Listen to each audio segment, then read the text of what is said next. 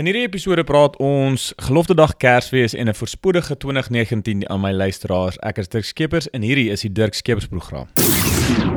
En hierdie is die laaste episode vir 2018 en dit is met trots geborg soos altyd deur die Afrikaner Handelshuis. Gaan besoek hulle gerus by www www.afrikander met 'n d afrikander.com of by die Voortrekker Monument. Hulle het gehalte produkte met die Afrikaner kultuur as 'n inspirasie. Een ding wat ek sal wil noem is dat ek gewoonlik my episodes doen uh, 'n dag of 2 nadat die stof gaan lê het oor 'n sekere onderwerp. En ek doen dit vir 'n verskeidenheid redes. Die eerste sal seker wees dit help my gewoonlik om kalm te bly as ek bietjie warm is onder die kraag en nie heeltemal in beheer is my emosies nie. Tweedens is die feit dat daar gewoonlik meer inligting in die lig kom en ek kan beter meer ingeligte ingeligte opinies vorm oor die onderwerp. En laastens, ek het net eenvoudig nie altyd die tyd om dadelik voor die mikrofoon in te spring en die onderwerp reg te kan dek nie. So hierdie episode wil ek aan gelofte dag raak, maar ook vinnig kyk na 'n vraag wat ek baie kry oor as, as ons nou kla en hulp vra vir Afrikaners, veral hier in die buiteland, is ons eintlik maar net cry babies. Baie mense het dit al vir my gesê en ek wil eintlik sien of daar eintlik waarheid is aan hierdie aantuiging. Ek doen elke jaar 'n insettel oor gelofte dag omdat dit so 'n groot gebeurtenis was vir my voorvadere en vir Afrikaners in die algemeen. En natuurlik as mense aanlyn toe gaan, dan kom ons af op artikels soos wat ek gevind het hierso in die South African dat daar 'n Afrikaner is wat gelofte dag diens doen in Nieu-Seeland, maar toe hulle een van die mense by die diens vra oor apartheid, toe sê hy blykbaar hoeveel beter dit was onder apartheid. Nou dit sal ek sê is net nog nog 'n voorbeeld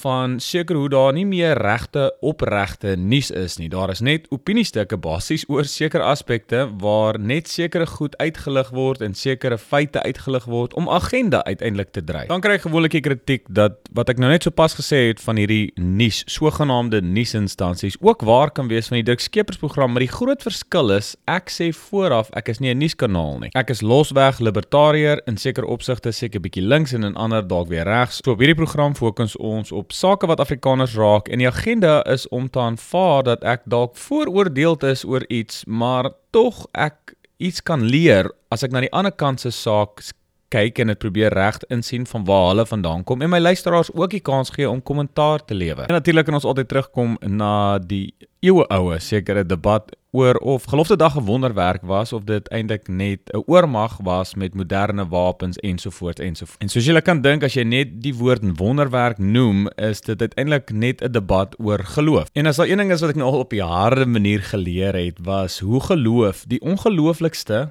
haat en rusie en irrasionaliteit in sekere mense aanwakker as jy net aan dit raak. Selfs mense wat ek ken met baie emosionele intelligensie raak irrasioneel en met haat gevul omdat ek byvoorbeeld nie presies op elke liewe punt glo wat hulle glo oor geloof in God ensovoorts nie. So, ek dink dit is maar baie eenvoudig. Ek gaan net daai een vir eers los, maar ek kan nie ignoreer dat die dag gelofte dag genoem word in meeste Afrikaners sirkels nie en dat baie dit sien as 'n heilige dag. Dit bygesê aan die ander kant kan ek ook die taktiek, die topografie, die digte mis en die dapperheid om kop te hou, te bly herlaai en akkuraat te kan skiet teen so 'n oormag. Nou natuurlik mense sal vir my sê daai krag kom natuurlik van God af, so dis eintlik een en dieselfde ding. So ek wil dit nou weer teruggooi aan julle. Wat dink julle? My luisteraars op daardie kommentaar op Twitter, laat my weet. Nou om op te sluit, dis 'n kort episode hierdie. Ek wil eintlik net omswaai en julle my luisteraars los met twee vrae. Soos ek aan die begin van die episode gesien het, ek is onlangs gesê dat Afrikaners se klagtes wat uitgespreek word in die buiteland, goed soos plaasmoorde, oneiening sonder vergoeding ensovoorts, maak dit van ons klaarkouse en wys dit ons onvermoë om ons eie probleme op te los. En hierdie kan ons sekere gelykheid trek teenoor